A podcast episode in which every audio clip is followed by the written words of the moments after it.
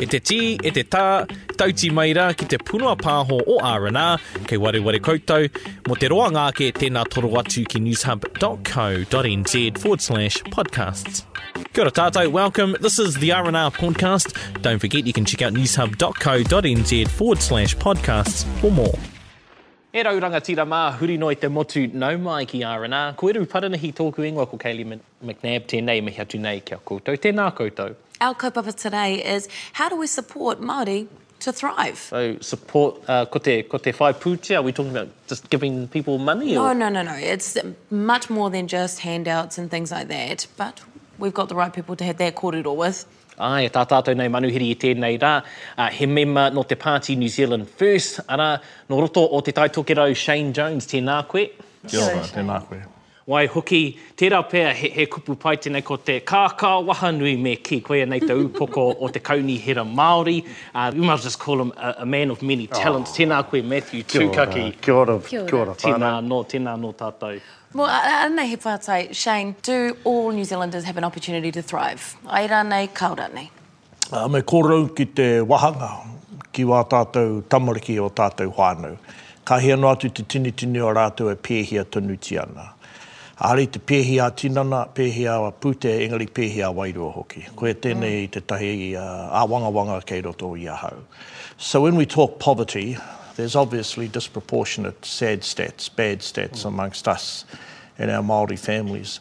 But I think a thing that's different from when I grew up, and my dad was one of 17 children, so we didn't come from uh, lordship and wealth. We, however, never suffered from a poverty of spirit. We always believed that the glass was half full, and uh, we had to be self sufficient because we grew up on a small farm. My mum was a school teacher and implanted the seed of education in me.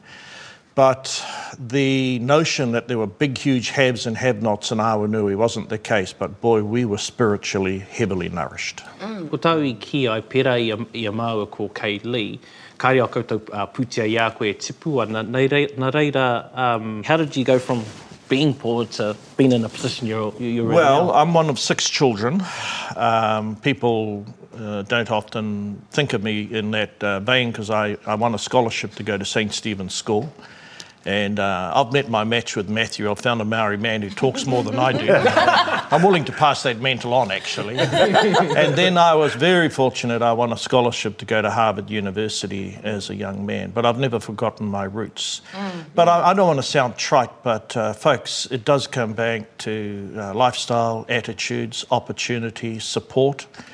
And you've got to have it within you. You really do, I think, have to dig deep into your own spirit and your own heart. And it's good to be able to receive support, but also us as Māori, we've got to do it for ourselves. Matthew, uh, he pēhia tō whakaaro on, you know, does everyone have the opportunity to thrive? I think everyone does. I mean, I'm like Shane. I mean, many Māori families of my generation in particular, they, they struggled. I mean, Dad was a factory worker at Dunlops in Upper Hutt. Um, he did roofing on the weekend with Uncle Paul. Uh, Mum poured pints at the RSA in Upper Hutt, and uh, on the weekends uh, she'd be at the Maidstone Mall in the cafe working. You know, one thing I remember about my mum, she'll come home uh, on a weeknight smelling of booze, but she wasn't a drinker.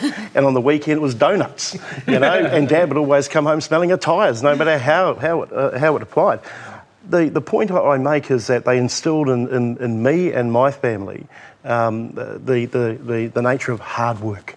Work hard. Yes, we might not be able to afford much. So if we wanted to um, go and play sport, we had to go out and get our own pocket money. My brother Ruben and I, we used to um, put sugar sacks, you know, those old potato sacks and pine cones. We'd sell those for ten dollars a, um, a sack.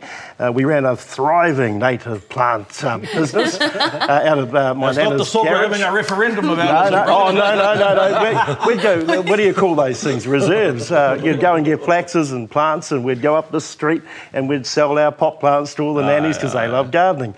We had a golf ball business, a dollar a golf ball. Trevor from Maidstone Book and Sports would buy our golf balls at, and we eventually got uh, banned from the Tumu golf course. but my point is, if you wanted anything, you had to go out and work hard for it. Now, I was not academically inclined. I didn't finish school. I didn't go to university. But if you had have told me I'd end up running a multi-billion dollar global mm. company, you know, you'd say, not this bloke from Central mm. Casting. Mm. But there is one thing that all of us have that's unique and intrinsic, and that's the art of storytelling. Uh, we're really good at it. Mostly it's at the back of a tangi playing euchre in the, in the dining hall or around a few beers. But if we're able to convert that storytelling technique um, into Māori potential in the business world, uh, in academia, in technology, all of these different things, then my God, we, we, we can thrive. And I'd, I'd say the three pillars, the three pillars that our people must focus on hope, aspiration, opportunity. We should never be afraid of aspiring to be the best and seize opportunities as we see them. And even though you know it might say, seem as if your life is not going so well at the moment, having hope is uh, is all you need to get to the other two. Uh, you touched on the three though, but why are our people still impoverished? Why are they still suffering? Well, obviously, there's a structural problem. There's far too many young men and women, and they are men and women because too many of our uh, young wahine are having kids before they're really women. I see it in Kaitaia all the time. That's, that's partly family breakdown. But like, I, I'm, I'm just sick of looking for excuses. Mm. I, I, I really am a person behind the scenes that gets off my own nono and, and tries to and, and certainly help my own family. And I'm, I'm reluctant to say this though, but welfare payments have not made us a prouder race. Now, I often get shot down for raising welfare because it looks as if we're crapping on our own people. Mm. But having said that, I've met too many young men, and they're in my line of sight now, the neffs off the couch, too many young men who either because of lifestyle and, uh, or the incentives in the welfare system, they need a great big wake up call. They are not willing to work in the way in which our generation worked. And once they're attracted to that gang scene, you've lost them for quite a long time. And we have to streak, speak truthfully about these things, as awkward as they are. And unfortunately, living near Kai, Kohe and Kaitaia, um, occasionally I'm overdosing on that sort of reality. Mm-hmm. The thing is, though, unemployment and those who are trapped in welfare dependency is not the only problem that we face. It's also those Māori amongst our people who are part of the low wage, low growth side of the economy. So these are our families and our individuals who will only ever be able to, at best, keep up with the cost of living. They'll never be able to save for their own home. They'll never be able to get themselves out of the debt trap cycle. And they're probably more than likely to enter into retirement with no savings at all amongst them. And we know this is the case because listen to the Retirement Commissioner about the plight of Māori women over the age of 55 leading into retirement. So what we have to do is we have to be creative about this. I'm with Shane here. Um, we, can, we can ponder on the grief side of what's going on, or we can restructure our economy uh, to accommodate wage growth and the movement of our people into the mid to higher level wage growth industries. We've got a massive potential in digital online, for example. Uh, we've got a significant opportunity when it comes to technology and agriculture, horticulture. Um, don't just plant the tree for the forest, manage the forest. All of these different things will create a higher wage growth economy where our people can start saving for the future and living for the future. Uh, I guess as a part of it as well as a mental shift in the Mm. thought process um, in terms of saying, you know, the government owes me this. Instead, go out and be proactive. Oh, I mean, kia, kia whai mahi, kia whai rawa. Um, koe, koe nā ngā kōrero Mm-hmm. pēr, hei āpiti ki tēnei wānanga? Look, we, we can argue what the government owes us from one generation to another. If it's got to be, it's up to me. We've got to take control of our own futures. Coming back to the structural things, though, that we can do and can do now, we can address wage inequality with Māori nurses who are working with iwi Māori organisations right now, who on average get paid 25% less than the same nurse doing the same job at a DHB. And yet these same iwi organisations are contracted by that same DHB.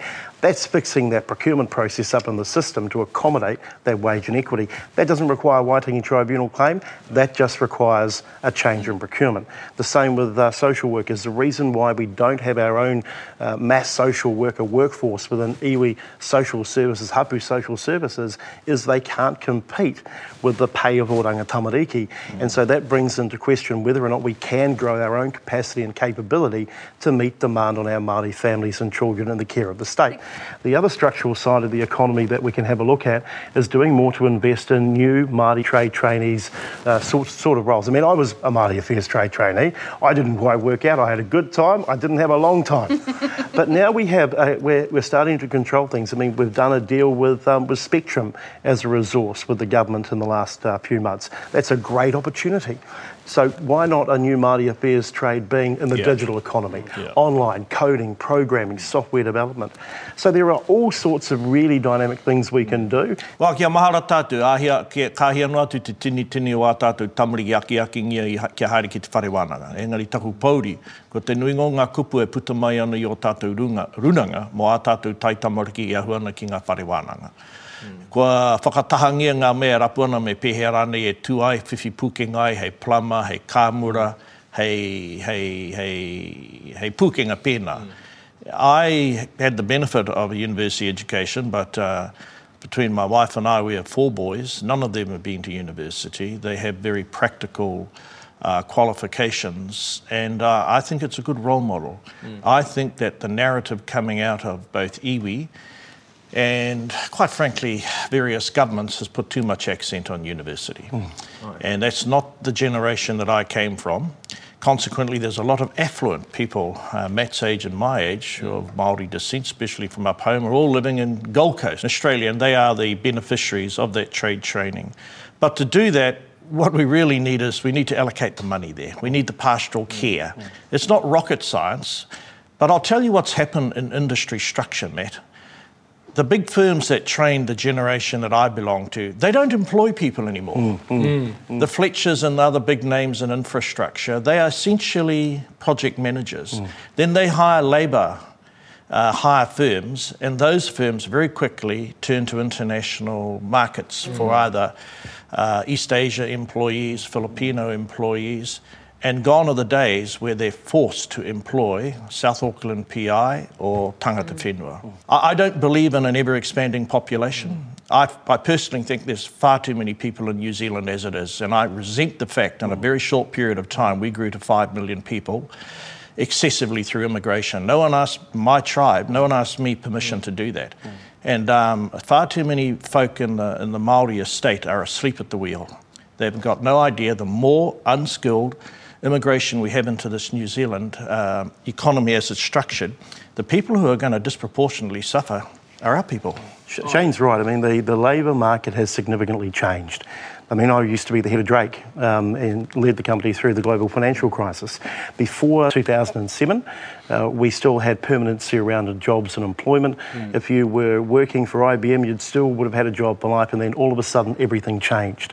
Uh, and globally, wherever I was looking around the company, we could see casualised labour force markets just completely creep in and take over from permanency. But Shane is right. Our bigger companies uh, are, are now nothing more than project managers. They outsource to a third party, and often that third party won't always be contracted to provide things like pastoral care or support. There is also no regulation of the labour market when it comes to the recruitment companies who will go to that low cost denominator and their highest profit margin in between. Now, I get it, they're running a business, but how does that support the New Zealand economy? How does that support what we need to do as a people? And let's not get into the, uh, the case of conscious and unconscious bias in the recruitment process that can also tend to lock people out. Or the fact that we do absolutely little or nothing to attract that Māori talent back from overseas. Well, it seems like an easy fix. Stop immigration, f- fix all that, and give more jobs back to our our own people. Engari tāku ki a koe, ki te tuku tātou i tēnei ngangara kia haere tonu, kia mui ai tō tātou motu e ngā manene, ko tātou iwi Māori ka pēhea rawa tia ki raro. Hora kau tēnei hanga e haramai ana ki kona e arohana ki te triti. Ai, ai. Hora kau tēnei hanga e haramai ana ki kona e arohana ki ngā pūtake take ki ai tāua, tātou he tangata whenua. A tāku ki a tātou, hako tō kaurua reanga, me maranga mai, e oho, me ara. Ai. He nui ake ngā, ngā, ngā tāngata e puta i ngā whare wānanga i aua momo um, kuratini. Um, mena ka puta mai tētahi tūranga pēnei i tēnei te whakapāho. Ai, ai. Ko tahi rau neke atu ngā tāngata e, e, whai mahi ana. So you've got more than 100 people applying for this one. So if I stuff up, I'm probably gone and the next guy's going to come in. It's not, you know, that's not a joke. That's actually the reality of our industry as well. Na kiau nei, ko nā te take ka hunuku ai te nuinga o ngai Māori e noho rawa kore, e noho pōhara, kia whai pūtia ko te pūtia te take ne. You know, many of our Māori, our skilled Māori, you know, Australia's the most prevalent place, but they're moving overseas because nā te mea ki Aotearoa nei, uh, te kaumāwaru tāra, ia haora, a ka whakawhiwhia Well, I mean, Matt cut his teeth in Australia, and whatever we, uh, whatever any New Zealander thinks about the stance that Mr. Tukaki has taken for the council, and I actually happen to admire the stance. No one knows more about the Aussie labour market, bro, than you. Here's the thing we're producing too many qualifications where it's taking too long to deliver them into the market. Um, do we really need so many accountants anymore? No, we don't. Do we need so many lawyers anymore? Definitely No, we don't. And I'm testament to that. Um, do we need any of these older skills um, that also take between two to four years to deliver in? Even some computer science degrees, um, engineering, all of those sorts of stuff. No, we don't. Um, so how can we then have a look at where the labour market growth needs to be? Now, in terms of Māori media and the media sector more generally in New Zealand, um, it comes down to what we can do to create more investment into things like iwi Māori radio, the growth, uh, the, sorry, the growth in, in, in content online. I mean, you know, you, you have a look in, in, at podcasting, the rise of podcasting, the rise of blogging, um, the rise of using uh, Facebook as that site to post your news. I mean, I started MāoriEverywhere.com because I was afraid no one would publish my press releases, and now look at it, it's gone off like a fire rocket. My point is, um, it's about aligning investment with the opportunity potential of delivering skills to a market based on demand more generally, and how that skill can create higher wage growth at the same time. Now, when you have a look at all these other roles, I mean, my goodness, we've just got accountants for accountants for accountants, and we're bringing in more accountants because it's a skilled category on the immigration list. We've got to be very careful with the immigration debate to divide it into two. The first is around do we need these people to come and support the economy when we could do better ourselves and build up our own workforce versus the refugee migrant debate. Ah, the we humanitarian, yeah, uh, the yeah. Humanitarian um, refugee side of things is completely different. And we tend to yeah. get accused of xeno- being xenophobic by apparently wrapping them all into one. So the, the Māori media, growth potential. Um, forestry, when it comes to not just planting the tree, um, but the technical attrib- attributes around climate change and carbon farming, carbon accounting, those sorts of things. Um, agriculture, horticulture, we have a massive technology, intellectual property warehouse in this country. Better design, processes, infrastructure that other countries uh, would, would pay an arm and a leg uh, on. But are we investing in the right things? And I would argue not. We've had a lot of kōrero on mahi work and everything, Mm. but what are the other impoverishments that are happening to our people that are stopping them from thriving? Uh, I think a lot of it has to do with getting bogged down in a system that was designed a long time ago and we struggle and fight against every single day. Some of it's psychological, some of it's practical. So, for example, the housing crisis. Um, when we have a look at our affordability um, options in the, the key markets of Wellington or Christchurch or Auckland, um, it's, it's about well, where do we need to live in order to gain employment? How can that employment satisfy our development down the path to own our own home? That's the first thing. The second one is access to finance. We're always struggling with household debt. We're struggling for household debt because we don't necessarily know how to bring that debt under control. And that's why the Māori Council has just launched the financial literacy program in the home. But if most of our whānau are on the dole, there's no way for them to ask for So a loan or yeah. help or a handout because they're just going to end up in a vicious cycle. So that's a myth. Not all of our, not, not the majority of our whānau are on the dole or unemployed. What they are part of, though, is the creaking towards the medium working growth side of the economy, the working poor. And I'd also argue, in my um, district of, of Auckland, um, we have working poor families that are employed, but they're living in their car with their family outside a Pak'nSave car park. So all of these things are actually practically systematic approaches to change that we can take. Um, and the other thing too, it's about pulling the socks up of some of these government departments. Um, my goodness, governments come and go, but the public service remains. um, they can either be helpful or they can be a hindrance. And at some point, we've got to take the power back and tell these government departments that they need to loosen it up, get the job done, instead of just waiting for the next crew to come in. O kia koe te wā, nei te taimea ma pāremata no te kāwana Shane, he tautoko tu whakaro? Aye. The way you grow economies is grow people. Mm, mm. You grow people by training them. You grow people by housing them. You grow people by keeping them safe and secure. But people have to grow themselves.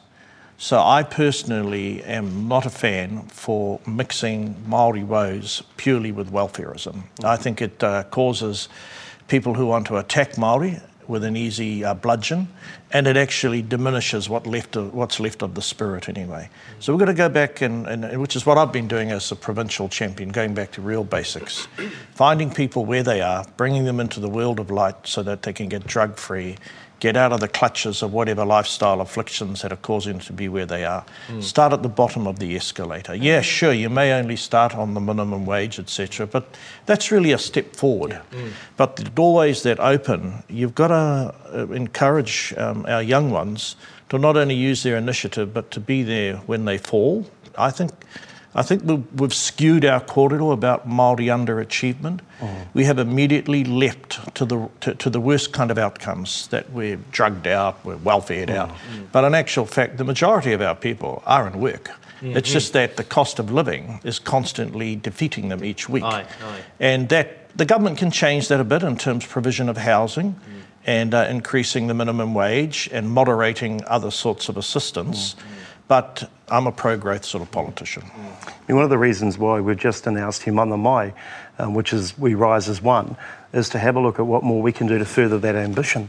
And we do concentrate on, on always that the sad story, the mamai, the grief that bogs us down from reaching that Māori potential. You do Right. not have to be an All Black to be a mentor or a role model. The role model might just be the Māori who manages a BNZ down the road or the, owns a local McDonald's franchise. But more importantly, where we're going to start is targeting our young people who are already in the juvenile detention and justice st- system so they can walk a journey alongside a mentor that could also create a pathway to employment because we know that once they get out, um, they might get back in there sooner rather than later. So it's about breaking these circuits along the way. Ki te hunga kua mauhere tia then, he anga paku āpina ki rātou, what are, what are some of the things then they need help with from some iho pūmanawa, some of the role models who we speak about? Yeah, so the first thing is about how we tell our stories. I mean, look, I'm I, I'm a, I'm from Central. I'm not just I'm not just a poster child for blood pressure medication. You know, I've I've had my own journey. I've been defeated. I've failed, but I've gotten up. I've dusted myself off, and I've got on with it. Um, now, the same can be said for thousands and thousands of Māori right across the country who do want to pitch in. They often message me and say, What can I do? How can I help? Well, put your shoulder to the wheel. I want you to connect with this boy over here.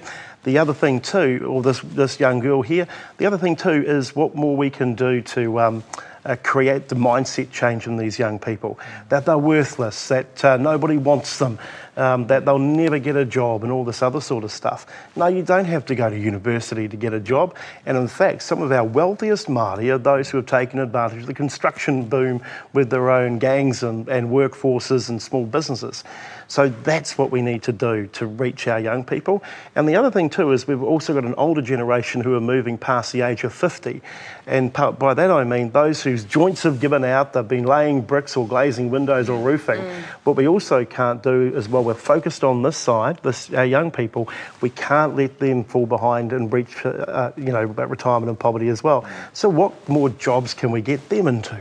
uh, what, uh, moving them from building and apprenticeship work or trades work or whatever you uh, into community service and community development. Wage growth in those areas is about 15% higher than the traditional job role in a call centre, for example. Yeah. Shane, kāro au? Ai, awa ka waihanga tia e mātou uh, te kāwanatanga ka rauhi tia mai e mātou he toru piri o na tārama tua whenua. Tikanga o te rā pūte he pēnei, he whakawhiwhi, whakawhiwhi atu he rawa, kia pai ai ngā rori, kia pai ai ngā wāpu, kei tua whenua. E rangi rawa ko te me tūturu kia pai ake te tū o a tātou tai tamariki kei ngā rohe pēnei a ngāpuhi, pēnei a mātātua. Māku e mea te kia tātou. E rā wāhi ro no e pakapaka ana. Ro no e, e tata mate wai ana i te korenga o te kāwanatanga e whakaunu i a rātou. Nā ko tīnihia te rā i ai nei. So the Provincial Growth Fund did focus and is focusing on those areas that have been neglected as metropolitan New Zealand has grown. There are pockets of significant Māori asset and Māori populations there. And boy, do they have the hassles of social deprivation without the metropolitan-based services. So it's been a deliberate strategy of taking a risk, quite frankly, with both organisations and groups in places as lonely as Minginui, mm. and turning around the whole spirit, the, uh, the welfare dependency, and even the disposable income that those people have.